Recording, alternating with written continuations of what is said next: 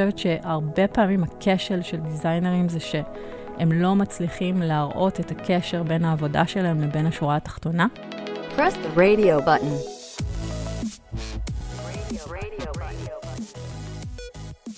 היי, אתם על רדיו בטן, אני יהודית אשר. נמצאת איתנו היום ענבל לביא. ענבל היא מנכ"לית בסטארט-אפ טכנולוגי חדש, ומנכלה את הסטארט-אפ ופלס עד לפני חצי שנה. תקופת ניהולה, הכנסות הסטארט-אפ צמחו פי שבעה. ענבל ניהלה ומנהלת תחתיה צוותי עיצוב. נדבר עם ענבל על העולם שבין המנכ"לית למעצב. אז היי ענבל. היי, מה נשמע? מעולה, ממש ממש תודה לך שאת כאן איתנו היום. שמחה להיות פה. כיף לארח מנכ"לית בפודקאסט. את uh, בשנים האחרונות uh, מכהנת בתפקיד של uh, מנכ"לית, אבל משיטוט קצר בלינקדין ראיתי שאת uh, הגעת מתחום ה research. איך הגעת למקום שאת היום? אז אני באמת uh, היסטורית, uh, עוד בתחילת שנות האלפיים, כשאף אחד לא ידע מה זה, עשיתי את ה master שלי ב machine learning. ככה שבאמת uh, התחלתי את הקריירה שלי בעולמות האונליין, כשנה אחר כך, כי גם היה קשה מאוד למצוא עבודה בתחום, בתחומים של, uh, שקשורים ל data. אז הייתי data scientist בתחילת דרכי, לפני שקראו לזה data scientist. וואו. מהתפקידים הראשונים לדעתי בתחום הזה בארץ, אחר כך ניהלתי צוות כזה, ואז בעצם uh, לקחתי את הניהול של uh, כל התחום הזה של ה analytics ב-888. Um, אז צמחתי מה data מעולמות באמת של יותר לבנות מודלים, אבל עברתי או התרחבתי לעולמות של ניתוח uh, של קמפיינים online ו offline, של conversion optimization, web analysis, כל מה שקשור לזה, וניהלתי בעצם קבוצה גדולה של עשרות אנליסטים ב-888. ככה, בזכות הידע הזה, גם נכנסתי לעולמות של ניתוחי P&L ובניית תקציב וכל מה שקשור לזה, והייתי אה, בשלב, בוא נאמר, הלפני האחרון שלי בתקופה המאוד ארוכה ב-888, שהייתה עשר שנים סך הכל, הייתי אה, ה-VP של Optimization ו-Operations של ה-B2C, שזו הייתה היחידה בעצם... אה, העסקית, או החטיבה העסקית הגדולה של 888, שהייתה אחראית בערך ל-80% מההכנסות של החברה. ובמסגרת התפקיד הזה בעצם מינפתי את הידע שלי בנתונים ואת היכולת שלי לבנות תקציבים ולנתח אותם ולהוביל תהליכים אקרוס החטיבה ולבנות אה, אה, ולנהל בעצם את הרודמפ הטכנולוגי של החטיבה שלנו מול היחידה של הפיתוח והמוצר. אז את כל זה בעצם מינפתי לסיוע בעצם למי שניהלה בזמנו את החטיבה של ה-B2C. עדי סופר טרני, שהיום היא מנכ"לית פייסבוק ישראל, mm. אז, אז בעצם לסייע לה בקבלת החלטות עסקיות. ומשם בעצם לקח לי ככה קצת זמן, כי בתחילת דרכי דווקא ראיתי את עצמי כמישהי שתתקדם בעולמות ה analytics או ה data, ותהיה איזה מין Chief Data Officer, אבל פתאום הבנתי שאני הרבה יותר מתעניינת בביזנס. ובעצם אני רוצה לעבור מהמקום של לסייע לקבל החלטות עסקיות, לקבל את אותן החלטות. משם הדרך הייתה קצרה לנהל יחידה עסקית ב-888, ואז בעצם למנכ"ל. אני רוצה שנייה אחת לחזור איתך אה, למקום שלך. את היית, ניהלת ב-888, ואז בעצם את עוברת לתפקיד אחר של למנכ"ל. נכון. מה גרם לך לקבל את ההחלטה הזאת, וגם האם לא חששת פתאום להיכנס לנעליים גדולות של מנכ"לית? קודם כל, אני בן אדם שלא כל כך אה, נוהג לפחד. אה, זאת אומרת, מבחינתי, אני להפך, אני בדרך כלל כל הזמן מחפשת את האתגרים הבאים, לא משנה אם זה בתוך החברה שאני נמצאת, או בתוך התפקיד שאני נמצאת, או במעבר לתפקיד הבא. אה, אני חושבת שכשאתה נמצא באיזשהו מקום נורא בטוח, אותי לפחות זה קצת משעמם. אמ, את יודעת, אני, אני אוהבת אה, להיתקל בסיטואציות שאני צריכה לחשוב הרבה ולשבור את הראש בשביל אה, להביא את הפתרון, כי, כי זה מה שמעניין אותי וזה מה שמאתגר אותי. אז לחלוטין לא חששתי, להפך, זה היה לי אה, מאוד טבעי, והייתי צריכה ללמוד הרבה, אין ספק, כי יש הבדל מאוד גדול בין לנהל יחידה עסקית לבין למנכ"ל. כי פתאום אתה אחראי על הכל, וזה מהכספים והאופרציה, וכמובן דרך הביזנס, אבל את הביזנס כבר ידעתי קודם, אבל ממש הכל פתאום יושב תחתיך, הטכנולוגיה, ו- וזה לאו דווקא נכון כשאתה באמת מנהל אה, ניהול מטריציוני, ויש הבדל בין ניהול מטריציוני לבין ניהול ישיר, ובין האחריות שיש לך כמנכ"ל, שבסופו של דבר אה, אחראי על אה, פרנסתם של מאות עובדים, לבין לנהל איזושהי יחידה עסקית יותר קטנה. אני חושבת שבאמת, כהמשך לזה שרציתי להיות במקום שבאמת מקבל את ההחלטות ומוביל, ההתפתחות הטבעית הייתה באמת לקחת חברה ולקחת אותה ולבנות את החזון והאסטרטגיה שלה, ולהיות אחראית על מצד אחד ה-high level, אבל מצד שני גם על ה-execution, top down, bottom up, לטוב ולרע, הכל אני. Uh, וזו ההזדמנות בעצם שראיתי כשפנו אליי עם, עם ההצעה uh, למנכ"ל, וזו גם הסיבה שבחרתי בדרך הזאת. איך פונים עם הצעה למנכ"ל? דרך הכי סטנדרטית uh, בעולם, uh, בלינקדאין. כן, אבל מה שאני כאן מנסה להגיע זה איך מגיעים למצב שמבקשים ממך uh, למנכ"ל. תראי, מן הסתם uh, הפרופיל של uh, מישהי שניהלה יחידה עסקית מאוד גדולה בעולמות uh, האונליין, גם יחידה שגדלה, גם בתקופה שלי הפכנו להיות בעצם היחידה העסקית הכי גדולה בשמונה, ו- וגדלה בצורה uh, מאוד משמעותית מלהיות מקום חמישי בעולם בתחום למקום שני בעולם, אז זה מושך תשומת לב. ואנשים שיודעים ומכירים, וזה גם מה שקרה, זאת אומרת, זה... זה ש... מישהו ששמע על מישהו ו... וחשב שזה כנראה קשור או, או תואם לתחום העיסוק של החברה, אז, אז באמת אה, ככה עולים ב... ברשימת אה, search ש... שמכינים. ו... זרקת את זה כזה מהצד, שבעצם בתקופה שניהלת ב-888, אז גם היחידה שם אה, צמחה משמעותית. נכון. מה, מה עשית, איזה קסם עשית שם שגרם לזה לקרות? האמת שבאמת זה היה אה, לקחת איזושהי גישה מאוד אה, הוליסטית, מאוד אה, 360 בכל מה שקשור לשיווק של המוצר שלנו. דאגתי שאותו מסר שיווקי יעבור ללקוח מהקמפיין אה, בטלוויזיה, דרך האתר אה, או דפי הנחיתה שלנו, דרך החוויה שהוא רואה בתוך המוצר שלנו. כלומר, חוויית הלקוח הייתה מאוד... ברורה וקונסיסטנטית עם המסר שלנו, שטעם גם את המיצוב שבעצם ניסינו לייצר. כי פנינו לסוג מאוד ספציפי של לקוחות, לא ניסינו להתחרות בכל המתחרים הגדולים שלנו בשוק, וניסינו לפנות דווקא לנתח שוק קצת שונה. ואני חושבת שבסוף פשוט יישמנו את זה בצורה מאוד דקדקנית. וקונסיסטנטית, אקרוס כל ערוצי השיווק. אקרוס כל הפאנל, ובזכות זה אה, הצלחנו כל הזמן אה, בעצם אה, להגדיל את הכמויות של הלקוחות שהבאנו מצד אחד, ומצד שני גם הגדלנו את הפריסה הגיאוגרפית שלנו. כלומר, סימנתי לעצמי מדינות שלא הייתי בכלל נוכחת בהן כברנד, ובנינו שם פעילות מאפס. אחת המדינות, לדוגמה, עלתה באותם שנתיים שניהלתי את היחידה מ-0 להיות uh, המדינה uh, השנייה בגודלה מבחינת השוק שלנו. אז, אז זה באמת, מצד אחד לזהות הזדמנויות, מצד שני לבנות איזושהי אסטרטגיה ולדאוג גם שה execution הוא עד הפרטים הקטנים. זו הגישה שלי לפחות, את יודעת, לכל אחד יש את הגישה הניהולית שלו, אבל אני אוהבת לבנות את הלמעלה, לראות שהלמטה... Uh, מדבר איתו באופן אה, אה, מאוד אה, חד ומדויק, ושכשיש אה, באמת איזושהי הזדמנות, אז אנחנו יודעים להסתער עליה ולא לוותר עד שאנחנו לא משיגים את המטרה. מה זה אומר ש...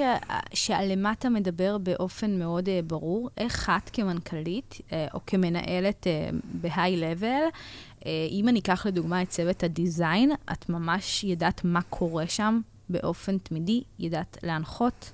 תראה, אני, קודם כל, מן הסתם, בעולמות כמו דיזיין, זה לא שאני מגיעה מהתחום, זה לא שאני אה, בעלת אה, מקצוע, ולהפך, אני נורא מזדהה גם עם הכאב של הדיזיינרים, שתמיד אומרים, כולם חושבים שהם מבינים בדיזיין, כי הם יכולים להעיר לי, זה יפה, זה לא יפה, תזיז את זה מפה לשם. אז, אז אני, אני, לא, אני לא מאמינה בזה. זאת אומרת, אני באמת חושבת שדיזיין זה, זה מקצוע, ו... מכבד אתה את הרבה. פעמים, בדיוק, אה, אה, רוב האנשים לא יודעים מה הם לא יודעים כנראה כשהם חושבים שהם יכולים אה, להעיר, כי זה קל להם, כי פחות קל להם כנראה ללכת לראות קוד ולהגיד, תזיז את השורת קוד הזאת מפה לשם, או תשנה פה את הפרמטר, או מה שזה לא יהיה. אה, אבל אני כן תמיד הייתי מעורב, קודם כל באופן עקרוני, אני גם אה, די בן אדם של פרטים, ו, ובגלל שאני מאמינה שגם חוויית הלקוח היא קריטית, אז דאגתי להיות uh, כמה שיכולתי לאורך הקריירה שלי מעורבת גם בדיזיין. Uh, יודעת, אם זה בשמונה, uh, כשהשקנו לצורך העניין קמפיין, אז תמיד היו לנו uh, צוותים מעורבים בעצם שעבדו על הקמפיינים השיווקיים. שכללו אה, אה, את המנהלים השיווקיים, מנהלי השיווק, לא משנה, אנשי אה, CRM, conversion, מה שזה לא יהיה, את אה, אנשי האופרציה, את אנשי הקופי ואת אנשי הדיזיין. הם היו חלק אינטגרלי מהתכנון של הקמפיין, כי בסופו של דבר דיזיין לא מספיק טוב, כמו גם קופי לא מספיק טוב, כמו רעיון שיווקי לא מספיק טוב, יכול אה, אה, עליו אה, הקמפיין ליפול אה, או לקום. אה, וגם אה, אחר כך בעצם, אה, כשמתקלתי את ופאס, אז בסופו של דבר, האתרים שלנו, אנחנו היינו חברת B2B2C, אז מצד אחד, העבודה שלנו, או המכירות שלנו היו מול בכלל עסקים, אבל הדרך, או מה שמכרנו בעצם לעסקים האלה, זה לקוחות קצה. אז כל הפעילות שלנו, כל האתרים שלנו וכל הפרסומים שלנו במקומות שונים, פנו אה, ללקוח הקצה, ולכן היה חשוב שבאמת החוויה, החוויה הזאת תהיה חוויה אה, מאוד נכונה, מאוד מדויקת, ותדע בסופו של דבר להביא לנו את הלקוחות לא רק אלינו, אלא אה, גם תגרום להם בסופו של דבר להפוך להיות לקוחות משלמים, שאנחנו מתוגמלים עליהם. אה, מהשיחה איתך אפשר להבין שאת uh, מנכ"לית שהיא מאוד user uh, oriented, uh, מבינה את המשמעות של design, uh, ואנחנו כ- כנראה כל המאזינים אומרים, וואו, הלוואי המנכ"ל, המנכ"לית שלי היו כאלה. מה את מציעה למעצבי UX, חוויית משתמש או דיזיינרים? Uh, איך הם יכולים באמת לגרום uh, לדרג הניהולי הבכיר להבין את הסיבה ואת המשמעות של למה אנחנו כאן, קצת יותר להכניס את ה user למרכז של החברה, אה, ובעצם להשפיע על, על הביזנס. תראי, אז אני חושבת שקודם כל, לא יעזור, מנכ"לים מדברים במספרים. Mm-hmm. אז העיקרון הזה של show me the money מאוד תופס פה. אני חושבת שהרבה פעמים הכשל של דיזיינרים זה שהם לא מצליחים להראות את הקשר בין העבודה שלהם לבין השורה התחתונה. Mm-hmm. ואם הם יצליחו לעשות את זה, אני חושבת שזה מאוד יעזור להם פשוט למכור את החשיבות של התפקיד שלהם, כי כשהמנכ"ל מבין שלשנות את הפלואו של המוצר עכשיו, יגרום לזה שה-conversion יעלה ב-X אחוז, ו-X אחוז, המשמעות שלו זה כך וכך לקוחות שהם כך וכך כסף, אין ספק שבפעם הבאה הוא ידאג שיטפלו, או, או יבקש כבר שיהיה את הפרויקט הבא, שיסתכלו על איפה עוד אפשר לשפר, וירצה להגדיל את הצוות, וישים דגש באמת על העולמות האלה. אני חושבת שה... צריך להיזהר מלדבר על דיזיין כמשהו שהוא רק ברמת הנראות והחוויה, ופשוט לדעת לתרגם את החוויה הזאת למה היא עושה בסוף לביזנס. כי על זה מסתכלים מנכ"לים ו- ומנהלי uh, יחידות עסקיות בכלל. איזה טיפ את יכולה לתת באמת מהיכולת שלי לקחת עכשיו flow uh, UX, uh, שאני בטוחה שהוא ישפר ויביא יותר משתמשים, תרגם אותו לכסף בסופו של דבר, uh, כשזה משהו שעדיין עוד לא יצרתי. איך אני לוקחת דיזיין ומתרגמת אותו לכסף? תראי, קודם כל, את יכולה, uh, הדרך הכי קלה, בוא נגיד, שזו דרך שאני תמיד דגלתי בה כשאני ניהלתי את מחלקות ניתוח הנתונים, זה לייצר כל מיני טסטים.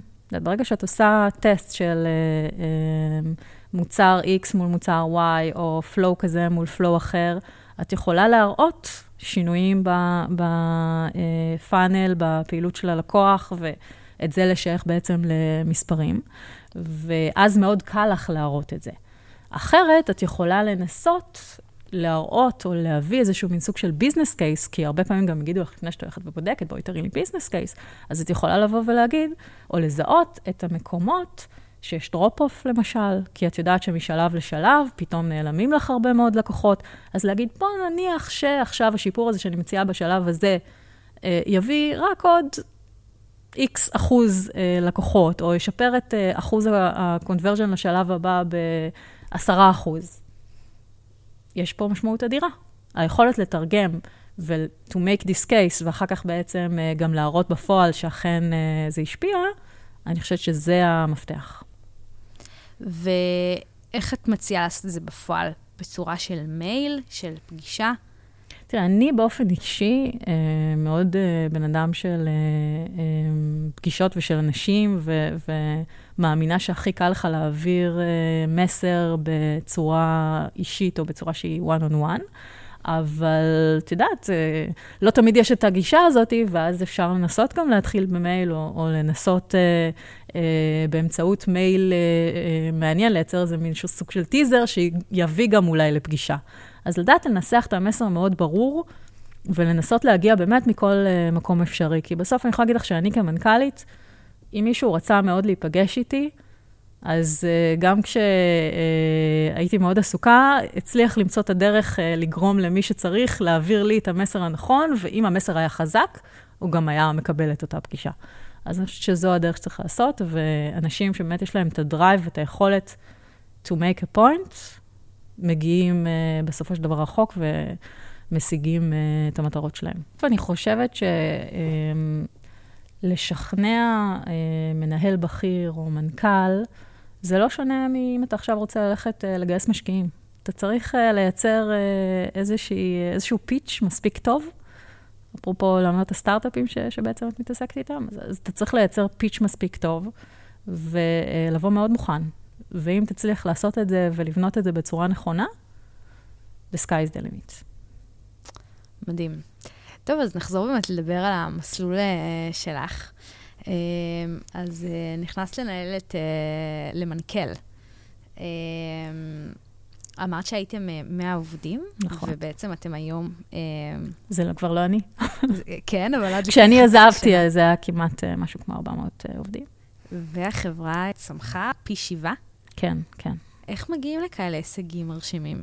תראה, אני חושבת שזה באמת המקום הזה של אה, אה, להבין, קודם כל, מה ה-core competence של החברה ומה היא יודעת לעשות, ואז לדעת לתרגם את זה לאיזשהו חזון הרבה יותר גדול, ולגזור ממנו אסטרטגיה, ולפרוט ממנו תוכנית אה, רב-שלבית, אה, ארוכת טווח להשיג את היעדים האלה, וגם לחשב מסלול מחדש כשזה לא עובד, כי, כי מן הסתם דברים משתנים, בטח גם בעולמות האונליין, את יודעת, אה, אחד הערכים שהטבעתי בעצם בחברה היה uh, ה-Young and Dynamic Spirit, שדרך אגב היה לצ, לצד ה-Mature uh, uh, and Structured Company, כי כן רציתי להכניס תהליכים, כי אתה לא יכול להיות uh, חברה של מאות אנשים בלי שדברים יהיו מסודרים, ובלי שאנשים יבינו מה התפקיד שלהם, ו... Uh, אה, תהליכים ברורים לגבי אה, כל מיני פעילויות והחלטות, אבל כשהשוק כל הזמן משתנה, אתה צריך גם לדעת להתאים את עצמך ולסמן את המטרות שלך לפעמים מחדש, או לסמן את הדרך שלך מחדש. אה, וזה מה שאת יודעת, זו עבודה בסופו של דבר של מנכ"ל, כדי להצליח להגדיל, ובמקומות מסוימים אפילו רק לשמר, כי לפעמים, את יודעת, יש תקופות ש... אה, אתה צריך אה, ממש אה, להמציא את עצמך מחדש כשהשוק משתנה. את יודעת, כמו שכשניהלתי בשמונה את היחידה העסקית, אז אותו תחום ממש ירד ברמת הפעילות העולמית. אני זוכרת שהראו לנו, באו אלינו אנשים מגוגל בקוורטרלי ריוויו, והציגו לנו איך החיפושים בתחום שלנו ירדו משהו כמו 40 אחוז שנה על שנה.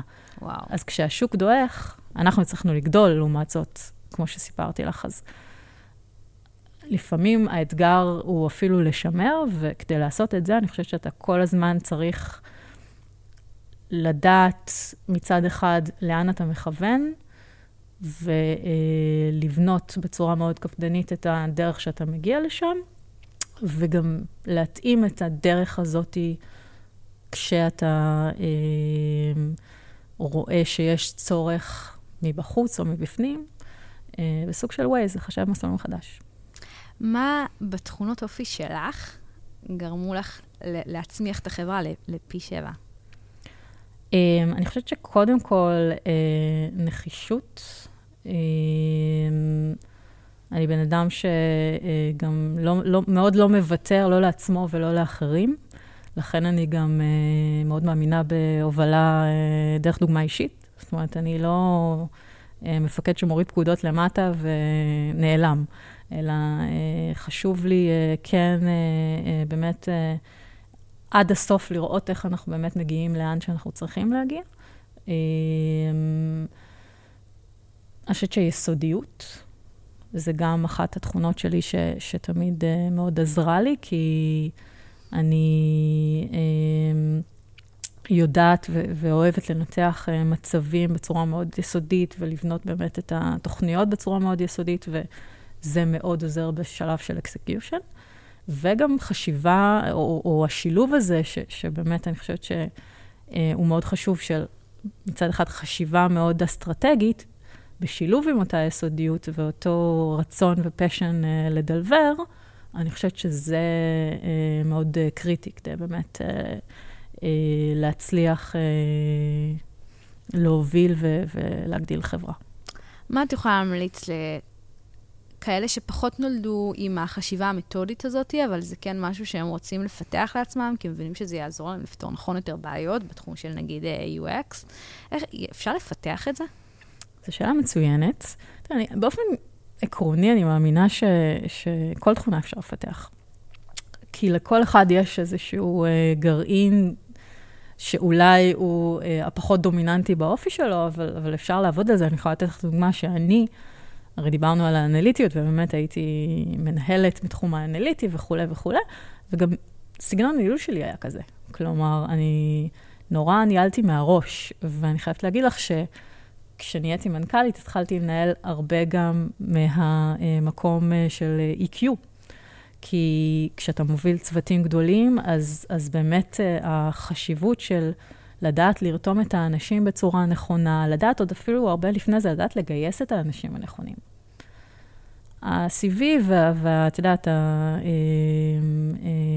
השאלות אה, המקצועיות זה נורא נחמד, אבל אני חושבת שאם אתה לא אה, מצליח לזהות איזשהו חיבור נכון, זה לא עובד. אני הרבה פעמים הימרתי על אנשים, לאו דווקא באמת או, או העברתי בתוך החברה, או גייסתי אנשים שלאו דווקא באמת ענו באופן מושלם על הפרופיל הרלוונטי, כי הרגשתי שיש שם משהו, שיש שם איזה DNA שאני חושבת שיעבוד. אז אני חושבת שזה נכון גם לכיוון השני, כלומר, אני חושבת שאפשר uh, לפתח uh, גם uh, חשיבה אנליטית, זה דורש כמו כל דבר תרגול. ואולי קצת עצות גם לאנשים שחזקים בזה, כמו שגם אני עושה. את יודעת, במקומות שאני יותר חלשה, אני אוהבת להתייעץ עם אנשים שמבינים.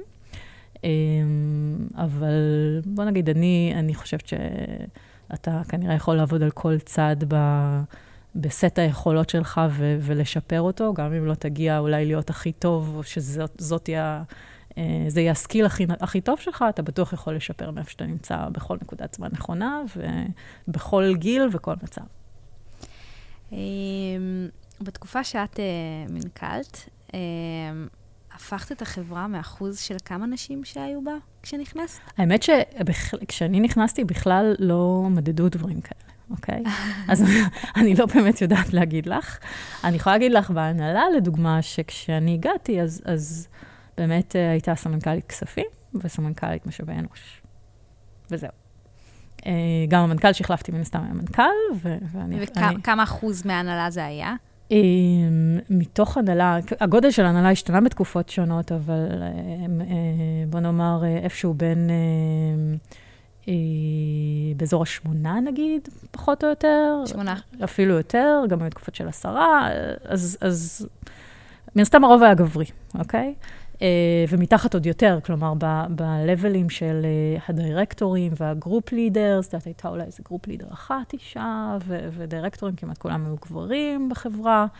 אה, וכן, זה מאוד השתנה.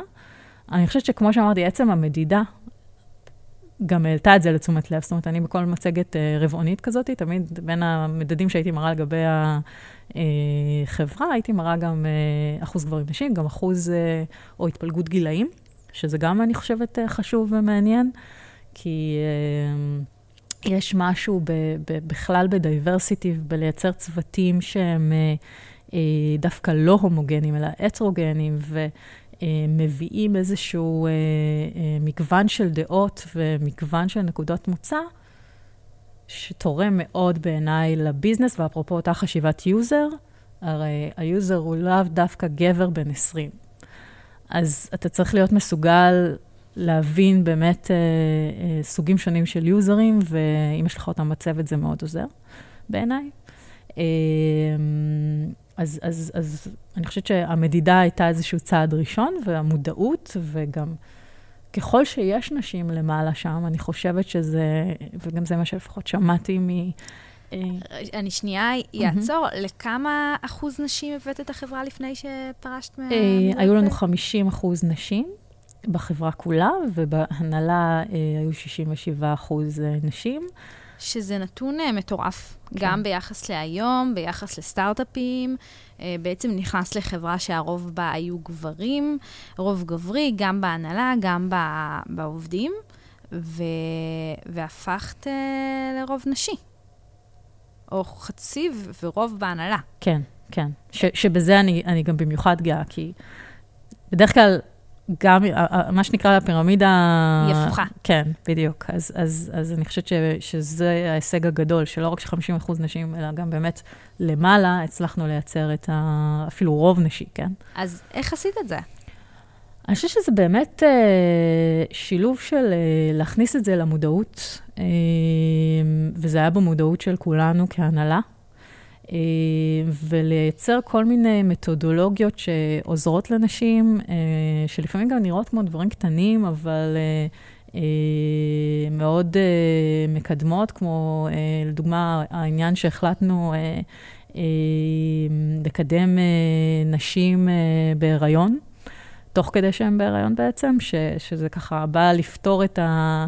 את יודעת, יש תמיד את התקופה הזאת שאתה לא בטוח מה יקרה לעובדת הזאת, שעכשיו נכנסה להיריון והיא עוד מעט יוצאת ולחופשת לידה, וזו תקופה שבדרך כלל נשים מקבלות כל מיני החלטות בה, לפעמים מחליטות אה, להישאר בכלל בבית עם התינוק, לפעמים מחליטות לשנות מקום עבודה. ואנחנו אמרנו, רגע, אם יש לנו עובדות מצוינות, שגם ככה כנראה הולכות להתקדם מתישהו בקרוב, למה לשים אותם על הולד? כי זה מה שבדרך כלל עושים בתקופות כאלה. נכון. כאילו, סוג של אומרים לך, אוקיי, תחזרי, נדבר איתך. בדיוק, כן. נדבר איתך על מה, מה יקרה. אה, אז לא, אנחנו היינו מקדמים מראש, אומרים, הנה, בואי, אנחנו רוצים לתת לך איזשהו תפקיד. עובדות כאלה היו נותנות את ה... לא את ה-100 אחוז, את ה-200 אחוז בהיריון, ו- ורק uh, מחכות לחזור, וכולם היו מרוויחים מזה, ואני חושבת שזה סוג של, כאילו, דוגמה נורא קטנה, אבל גם קלה ליישום, שכל חברה יכולה, את יודעת, אנחנו בסופו של דבר, זה לא שהיינו איזושהי חברת ענק שיש לה אה, אה, Chief Diversity אה, Officer או איזה משהו כזה מן הסתם, כן. אבל לפעמים בדברים הקטנים ובתשומת לב של האנשים והגברים, גם בהנהלה, אתה מצליח לתת את ההזדמנות השווה, כי דרך אגב, אני מאמינה בהזדמנות שווה, אני ממש לא מאמינה באפליה מתקנת או דברים מהסוג הזה, אני מעולם לא... אה, דגלתי בזה, כי אני חושבת שיש אה, מספיק נשים מוכשרות, שמספיק שתיתן להן את הבמה, הן תפרוצנה.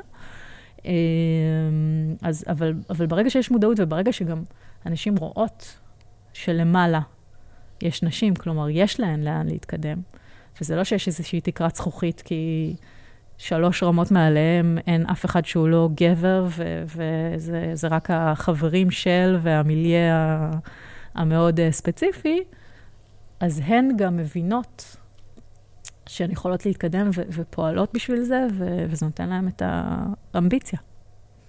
כך לפחות אמרו לי גם הרבה. מדהים, אני גם בטוחה שעצם זה שהייתה מנכ"לית ולא מנכ"ל, גם נותן איזושהי מוטיבציה לנשים אה, לתת יותר מעצמם. איזה עוד דוג... דוגמה, איזה עוד, באיזה עוד דוגמה את יכולה לשתף אותנו, כמו לקדם נשים בהיריון? תראי, אנחנו אה, קודם כל הקפדנו מאוד אה, גם בנושא של תנאים, למשל. לוודא שהתנאים הם אה, זהים למעשה לנשים וגברים. הרבה פעמים נשים, לצערי, אה, באות ומבקשות פחות או לא מבקשות. אה, ש, שזה, את יודעת, נובע מכל מיני סיבות קצת חברתיות, קצת חוסר ביטחון, טיפה תסמונת ה... כן, ממש כזה.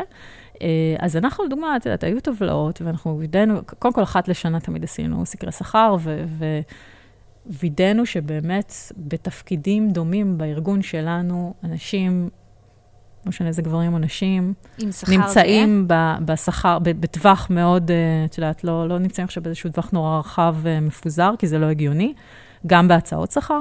ו- וממש ראיתם שיש אישה שנגיד לא ביקשה העלאה, אז הייתם מציעים לה העלאה כי ראיתם שהשכר שלה נמוך? אז זה התחיל עוד בתהליך קבלת אה, נשים לעבודה, או קבלה בכלל לעבודה. כלומר, אם מישהו ביקש איזשהו אה, שכר שהיה הרבה יותר נמוך ממה שמקובל אצלנו בחברה ובשוק, לפעמים היינו חוזרים אליהם עם הצעה יותר גבוהה. לצערי הרב, זה קרה הרבה פעמים כשנשים אה, רצו להתקבל לעבודה, זה... כי הם ביקשו שכר יותר נמוך. וכן, אנחנו ממש לא נהגנו, גם בקידומים וגם בתהליכי העלאת שכר אה, אה, תקופתיים, לתת למי שצועק יותר. אני, אני לא מאמינה שאם אתה בא ו, וצועק שאתה שווה הרבה ודורש ומתווכח, אז מגיע לך יותר ממי שעושה עבודה מדהימה ויושב שם בשקט ומקווה. אז אני חושבת שאולי זה קצת מתחבר לסוג המנכ"לית שאת, כי מה שקורה שהרבה פעמים חברות לא יודעות מי באמת עושה את העבודה הטובה ושותק. כלומר, ובחברות מסוימות, אם את רק מי שצועק, שומעים עליו. ויש אנשים מדהימים שנמצאים שם ויעשו עבודה מדהימה, וברגע שהם לא ישווקו את העבודה שלה, שלהם הלאה, הם יכול להיות גם יפטרו אותם, כי לא ידעו כמה הם נכס לחברה. לצערי, את מאוד צודקת. אני חושבת שהרבה פעמים אה, אתה יכול... אה, או להתקדם או, או להישאר מאחור אם אתה לא יודע למכור את עצמך ולשווק את עצמך, לפעמים גם באופן אגרסיבי. והרבה פעמים אנשים גם מתקדמים כשאין הרבה מאחוריהם מה שהם עושים, כי הם פשוט מאוד חזקים במכירה או בשיווק. אני מאוד משתדלת לסנן את זה ולנסות להבין את האיכות ואת היכולות ואת העשייה של אנשים, כי אני חושבת שזה בסופו של דבר מה שמשנה. כמובן שזה קשה, כמובן שזה קשה ככל שזה לא בן אדם שאתה עובד איתו בצורה ישירה, אבל לי לפחות זה, זה בהחלט תמיד הייתה אה, מטרה. ובעצם גם ניסית אה, להוריד אותה הלאה למנהלים, שידעו לבדוק את העובדים בצורה כזו. חד משמעית. Mm-hmm. בואי נדבר קצת באמת על המחלקת UX שניהלת שם, נכון? היה לכם אה, מאפיינים? זה היה סטודיו בכלל, זאת אומרת, היה לנו סטודיו גדול אה, שעשה הכל מ... ה rebranding של החברה, ש, שתביני שלקחנו חברה חיצונית אה, בעצם אה, לעשות לנו את ה rebranding, והם אה, היו אמורים לעצב לנו לוגו חדש, ואז הסטודיו אמר, רגע, אנחנו ממש היינו רוצים בעצמנו לעצב, ואז אמרתי, אוקיי, בוא נעשה איזה טסט, אוקיי? אפרופו טסטים שדיברנו עליהם. מצד אחד, בואו ניתן לחברה החיצונית אה, לתת הצעה ללוגו, מצד שני, בואו אתם בסטודיו תנסו להציע לוגו חדש. יפה. והסטודיו שלנו ניצח, ו- ובזכות לחלוטין ולא בחסד, כלומר, הביאו הברקה מדהימה. אה, אז, אז באמת מה rebranding, דרך לבנות ולעצב את כל האתרים שלנו, או באנרים שלנו אפילו, אה, דרך לבנות פרסומות וידאו. אמ, אז, אז, אז באמת אה, טווח וה... יחסית מאוד רחב. והמוצר עצמו? אז המוצר הוא בעצם האתרים. Mm-hmm. כי האתרים שם, בגלל שניהלנו בעצם אתרי תוכן, אז, אז האתרים שלנו היו אה, בעצם המוצר שלנו. אז, אז כל מה שקורה באתר, כל הפלואו שקורה mm-hmm. באתר, ולנסות באמת לייצר אותו אה, בצורה שהיא אה, כמה שיותר מתורגטת ונכונה, זה, זה חלק מהתפקיד של הסטודיו. היה להם שם גם בעצם אה, צוות ש, שמתעסק בעצם אה, אה, בכל מה שקשור אה, ל-UX. אז כאן באמת את רואה את המק... כמנכ"לית את המקום של ה-UX, שבסופו של דבר הם משפיעים על הביזנס. כמה הם באמת יכולים להצמיח את הביזנס, או, או דווקא גם לעשות דברים שיגרמו לירידה? אני חושבת שלשני הכיוונים, חד משמעית, זה, זה יכול להשפיע, כי... אני חושבת שבסופו של דבר, המסע של הלקוח יכול להיות מאוד מוצלח ולהביא לזה שלא רק שהוא יהפוך להיות אה, לקוח משלם, אלא גם הוא יחזור אליך שוב ושוב. ומהצד השני, הוא יכול כבר ליפול בדלת הכניסה, או אפילו לפני, בכניסה למסדרון, מה שנקרא. אה, וזה חד משמעית אה, עבודת UX טובה או לא. אני חושבת שככל שהיא גם באמת מבוססת על נתונים, ולכן גם אנחנו נגיד ייצרנו צוותים שמשלבים אנליסט ו- ומעצב וכולי, אה, זה מאוד מאוד יכול לעזור. כי כל הדבר הזה צריך לדבר ביחד ולדבר ביזנס, ולהיות מחובר ליחידות העסקיות הרלוונטיות. ואיך באמת גרמת למעצבים להיות מחוברים לביזנס? על ידי זה שקודם כל הם היו חלק מהיחידה העסקית, זאת אומרת, הצוותים אה, השונים בתוך אה, הסטודיו שלנו בעצם היו dedicated, כל אחד מהם ליחידה עסקית ספציפית ולמוצר ספציפי, והם חיו ונשמו את המוצר הזה, אוקיי? אה, אז זה מאוד חיבר אותם, והם ממש עבדו באופן צמוד, כלומר, הביזנס היה בא ומעלה רעיונות, או הם היו באים לביזנס ועושים פיץ' לרעיונות שלהם, ובסופו של דבר היו מצליחים באמת לייצר מוצרים חדשים, פלואים חדשים. יצא לך לראיין uh, מעצבים? Uh, האמת שלאחרונה, זאת אומרת, אני, אני, אני חייבת לציין שכנראה מעולם, תמיד ניהלתי, או uh, בעשור פלוס האחרונים ניהלתי uh, צו, צוותי עיצוב גם, בין היתר, אך מעולם לא, יצא, לא uh, ראיינתי מעצבים, כי היו לי מספיק דרגות ניהול מתחתיי שזה לא יגיע אליי, כי בדרך כלל אני, אני מראיינת את מי שנגיד שתי דרגות מתחתיי. אה, אבל עכשיו, בחוויית הסטארט-אפ החדש שלי. אז בואי באמת נדבר על זה. מה גרם לך לעזוב את ופלס uh, לטובת uh, סטארט-אפ uh, חדש, צעיר ובלי שם? אז כמו שדיברנו על, על הרצון לאתגר קודם, שבאמת לפעמים אנשים לא מבינים איך אני עושה את ההחלטות שאני עושה, אז, אז, אז זה מגיע משם. כלומר, חיפשתי אתגר חדש ורציתי גם שהוא יהיה מאוד שונה. כלומר, יכולתי ללכת ולמנכ"ל חברה בסדר גודל דומה ובתחומים דומים, וזה כנראה היה יחסית קל. אבל רציתי לאתגר אותי במש, את עצמי במשהו אחר לגמרי. אמ, ו, ובעצם לראות אם אני יכולה לא רק לקחת uh, חברה של uh, 100 איש ו, ולהגדיל אותה פי כמה וכמה, אלא אם אני יכולה לבנות. כי את זה לא עשיתי באמת אף פעם, כי עבדתי תמיד בחברות קיימות, או שמונה זה היה כבר קורפורט לא, לא קטן, ופאז כבר הפכה להיות כזאת עם הזמן, ו... ונורא רציתי לנסות משהו שהוא באמת גם יותר בשלב הבנייה, אה, שיש לו מן הסתם הרבה מאוד יתרונות והרבה מאוד חסרונות. אה, ו- וחלק מזה זה באמת שאני ממש אה, הכי אנזון, כולל לראיין את ה... מעצב המוכשר ש, שגייסנו uh, לא מזמן, נגיד. Uh, אז כן, אז זה היה לי בהחלט מוזר, כי פתאום מצאתי את עצמי באמת שואלת שאלות על... על, על דיזיין. כן, עוברת על תיקי עבודות. uh, אבל האמת שזה מעניין. אני, את יודעת, אני בסוף, uh, א', אה, אוהבת אה, ללמוד אה, ולהכיר כמה שיותר, ו... גם אוהבת לפגוש אנשים מכל מיני תחומים, ולכן אה, אני חושבת שזה בהחלט אה, מעניין, ואני גם מבינה היום כל מיני מושגים בתלת ו shading וזה, אפשר לחשוב שבאמת אני מבינה בזה משהו, אם תשאלי אותי כמה שאלות, אז, אז זה נחמד, למדתי את זה על הדרך. זה מעניין, ואני חייבת שנייה לחזור איתך להחלטה הזאת, כי זה, לי זה מהצד נשמע החלטה ממש מפחידה, לקח, לעזוב את המקום הבטוח. אמ, עם, ה, גם עם היכולת התקדמות הלאה. כלומר, עשית כאן אימפקט משמעותי על, על הסטארט-אפ, את יכולה לקחת, אה, להתקדם אפילו לחברה גדולה יותר ולמנכ"ל שם. כלומר, זה לא שהיית צריכה להישאר באותו מקום, היא יכולת לקחת אתגר אה, של חברה כבר אה, עם יותר עובדים. ובעצם את בוחרת לזרוק את כל הטוב הזה לטובת איזשהו סטארט-אפ, אני אחזור על זה בלי שם, קטן. מתוך אג'נדה. ולעשות דברים אין זון, ובסופו של דבר למצוא את עצמך מראיינת מעצבים.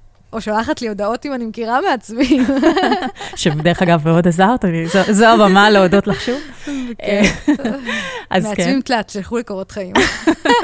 בדיוק. אה, עכשיו גם UI UX.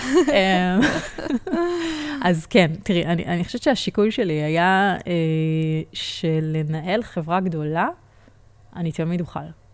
וללכת ולנסות מין הרפתקה כזאת של באמת סטארט-אפ בשלב מאוד מוקדם, אני לא תמיד אוכל כנראה, או את יודעת, יש איזה שלב בחיים שאתה אומר, אני, אני רוצה עוד אה, לנסות אה, אה, משהו ככה יותר אה, הרפתקני. לא בטוחה שעוד עשר שנים הייתי לוקחת אה, כזאת אה, אה, הרפתקה, אה, אה, כמו להקים באמת משהו מאפס.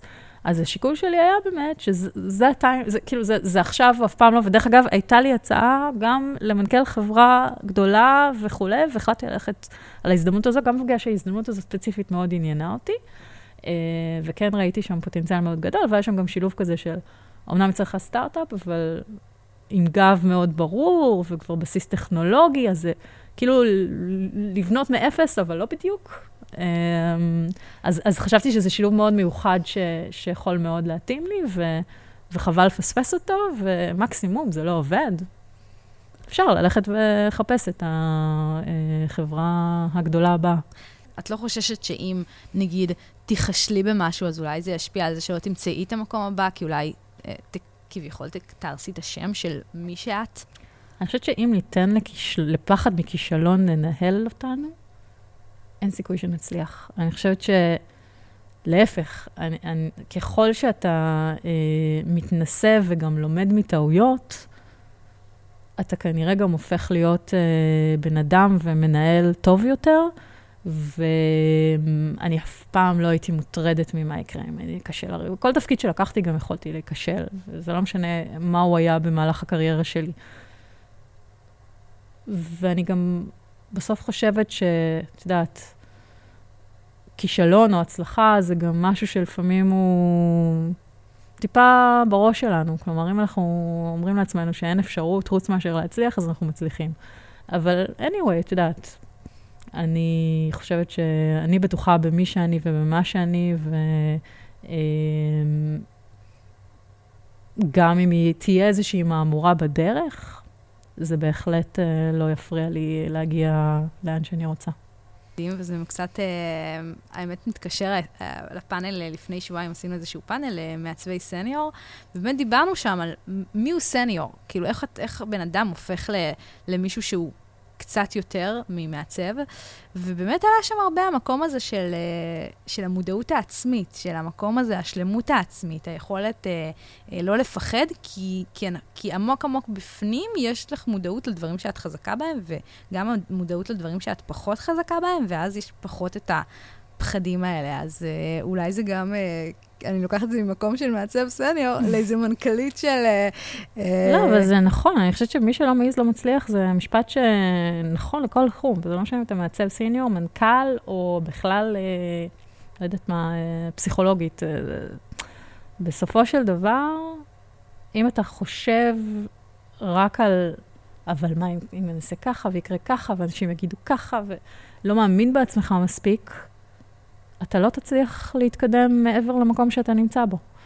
אז הביטחון העצמי הזה זה דבר שבעיניי הוא, הוא מאוד uh, חשוב, והיכולת הזאת להגיד, אני רוצה להגיע לשם, גם אם זה רחוק מאוד מאיפה שאני נמצא, וגם אחר כך לדעת איך אני מגיע לשם, זה בעיניי מה שגורם לאנשים uh, להתקדם בחיים, וזה לאו דווקא באמת להתקדם לדרגות ניהול בחירות, זה יכול להיות להתקדם מקצועית, זה יכול להיות uh, uh, בכלל להשיג מטרות בחיים, אישיות, בכל תחום. אז את מציבה לעצמך יעדים לטווח הארוך. אני תמיד, uh, כן. נוטה לעשות זאת. במקביל לזה שאת מנכ"לית, את גם מנהלת משפחה, נכון? יש לך שתי בנות? יש לי בת ושני בנים.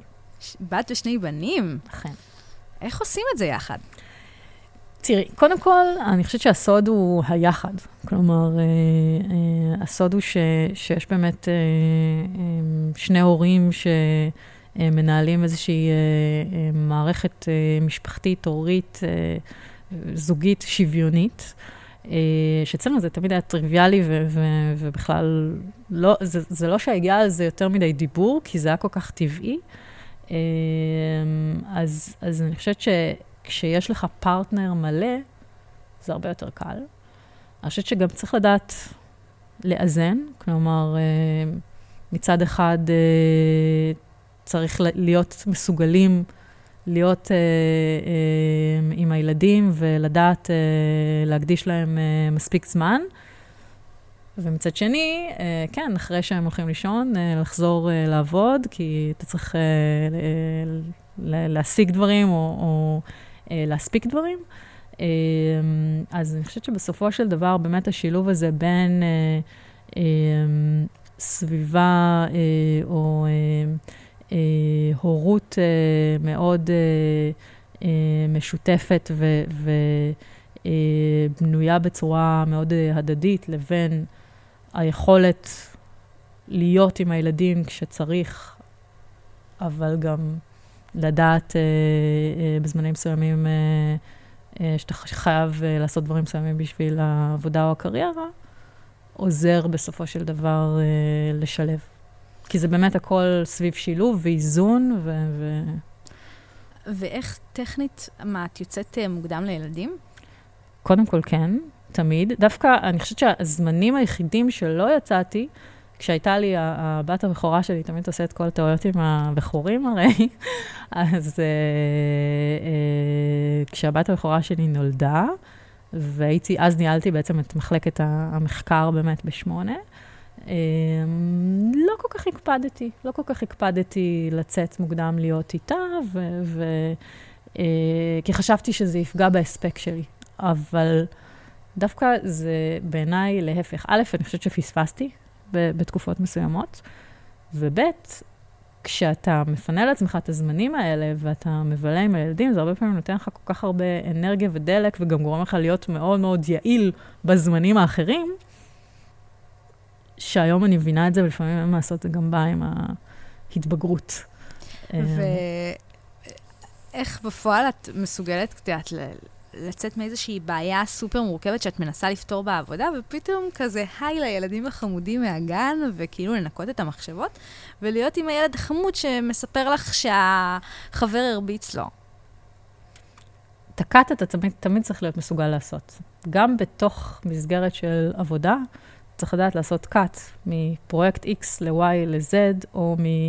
אה, עיסוק עכשיו במוצר חדש שאתה רוצה לייצר, לפתאום איזשהו משבר שצץ, אז אני לא חושבת שזה שונה. עכשיו, את יודעת, אני תמיד גם, אני אף פעם לא אה, מסתכלת על דבר אחד בלבד, או חושבת על דבר אחד בלבד. אה, multitasking אה, כל הזמן, אז, אז גם דברים תמיד קורים, מה שנקרא, בראש שם מאחור, ו- וגם כשאני עם הילדים, אחר כך פתאום אה, עולים לי כל מיני דברים שכנראה... בתת-הכרה חשבתי עליהם uh, תוך כדי, או... וגם אני תמיד מחוברת, זה לא שאני, uh, אם צריך אותי אז אני שם, ו- וככה זה תמיד היה, אז אני חושבת שכן, השילוב הזה הוא לחלוטין uh, אפשרי. אני גם את הילד האחרון שלי ילדתי תוך כדי שהייתי מנכ"לית, ובערך uh, תקשרתי שינוי ארגוני עם uh, הכניסה לחדר הלידה. וואו. זה מטורף. אה, כן, לא, זה אפשרי. זה אפשרי כשאתה מתייחס לזה כחלק מהחיים שלך. כי, כי זה החיים שלך, ואתה לא יכול לשים את החיים שלך על הולד בשביל. כלומר, את יודעת, אם פעם באמת היה נהוג שנשות קריירה הן רק כאלו שמוותרות הרבה פעמים בכלל על המשפחה, אני לא חושבת שיש סיבה, אני חושבת שגם היום אף אחד לא באמת חושב ככה, אני מקווה לפחות. אה, בטח לא בסביבה שאני נמצאת בה. ואני מקווה שזה רק, אה, את יודעת, אה, ילך וישתפר, וגם באמת האחוזים האלה שאנחנו רואים בצמרת ילכו ויעלו. אמ, כן, אני גם, אין מה לומר, העולם הולך לכיוון מקבל יותר ומכיל, ואני חושבת גם שבאמת, אם נלך 50 שנה אחורה, לא נראה לי מנכ"לית הייתה יכולה בשעה 4 לקום מהכיסא וללכת הביתה לילדים. אני חושבת שבאופן כללי, גם גברים, דרך אגב. נכון. היום גם גברים, ואני חושבת שזה מבורך לא פחות, הולכים אה, אה, להיות עם הילדים, אה, ו- וזה גם עוזר להם באמת לייצר איזושהי אה, הורות אה, שוויונית, שגם מאפשרת לאישה לא לקחת משרה שהיא משרת אם, לצורך mm-hmm. העניין. אז, אז כן, אני חושבת שקודם כל היום, לשמחתנו, גם הקדמה בעצם אה, אפשרה לנו אה, לא להיות אה, חייבים לשבת במשרד בשביל לבצע את העבודה שלנו, ואנחנו יכולים להתחבר דרך המחשב, דרך הטלפון. גם ככה, הרבה פעמים הלקוחות שלנו הם בכלל לא איפשהו באזור החיוג שלנו, כנראה. אז צריך לדעת גם לנצל את זה. טוב, אז ענבר, הזמן שלנו אה, קצר וכבר אה, אנחנו צריכות לסיים. יש לך איזה משפט אחרון אה, לסיום, לתת אה, למעצבים? Um, אני חושבת שאני חוזרת למה שאמרתי uh, קודם, שדיברנו על בעצם איך הם יכולים uh, לקדם את עצמם. אז באמת, תמיד תחשבו על איך אתם תורמים לביזנס, איך אתם גורמים ללקוח להפוך להיות לקוח או לשמר את אותו לקוח על ידי זה שאתם מייצרים מוצר הרבה יותר טוב והרבה יותר יעיל, ותדעו גם להראות את זה החוצה, כי זה בסופו של דבר יתרום למקום שלכם ולהתקדמות שלכם בארגון. מדהים, האמת שבאמת עשיתי כאן כמה פרקים בפודקאסט, שזה למה מעצבים צריכים להכיר ולדעת את ה business. אני באמת חושבת שהעולם של העיצוב ושל ה-UX חייב ללכת ולהתחבר יותר לעולם ה business, וזה הפתיע אותי שאת ממש מגיעה משם. כלומר, את אה, לגמרי מנכ"לית שמכירה את ה user ים ואת ה data. אז uh, ענבל, ממש ממש תודה לך שהיית איתנו כאן היום. תודה רבה. נהניתי. ותודה לכם שהאזנתם עד עכשיו. אתם uh, מוזמנים להצטרף לקבוצה שלנו בפייסבוק רדיו בטן, ונשתמע בפרק הבא. ייי!